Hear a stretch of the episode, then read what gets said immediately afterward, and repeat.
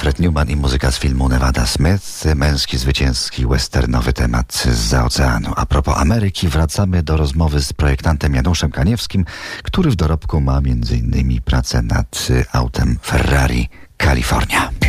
RMF Classic poleca. Projekt Bliskie Spotkania. Z Januszem Kaniewskim rozmawia Dariusz Stańczuk. Wspominaliśmy chwilę temu o świecie przedmiotów zrobionych w Chinach. Mówiliśmy o tym, że teraz Chińczycy stawiają nie na made in China, a na made with China.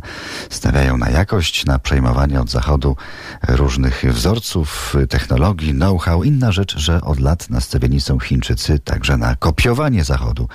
Są miliony chińskich pianistów, golfistów. Ich przemysł i design też jest nastawiony na kopiowanie, bo kopiowanie to dla Chińczyków znak, no właśnie, czego? To jest ogromna różnica mentalna, z której ja sobie wcześniej nie zdawałem sprawy. To jest różnica, która istnieje od tysięcy lat.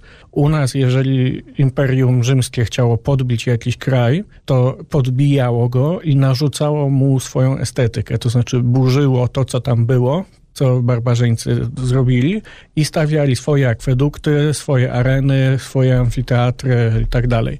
I symbolem podbicia jakiegoś terytorium było odciśnięcie piętna na tym terytorium. Natomiast kardynalna różnica jest taka, że u Chińczyków jest odwrotnie. U nich symbolem zwycięstwa jest podbicie, w cudzysłowie, odcięcie głowy i przywiezienie do siebie i pochwalenie się tym u siebie. Nie tam, tylko u siebie. I stąd, e, jak Chińczycy podbijali jakieś kraje, to kopiowali budynki, pałace, kulturę, stroje i budowali je u siebie, tylko większe, bardziej spektakularne. I stąd ta tradycja kopiowania. Dla nas to jest obciach, że oni robią, zrobili kopię Smarta albo Windowsa albo jakiegoś produktu. Dla nich to jest właśnie symbol zwycięstwa nad Amerykanami, Europejczykami. A pan to kupuje? Czy pan to po prostu rozumie, prawda?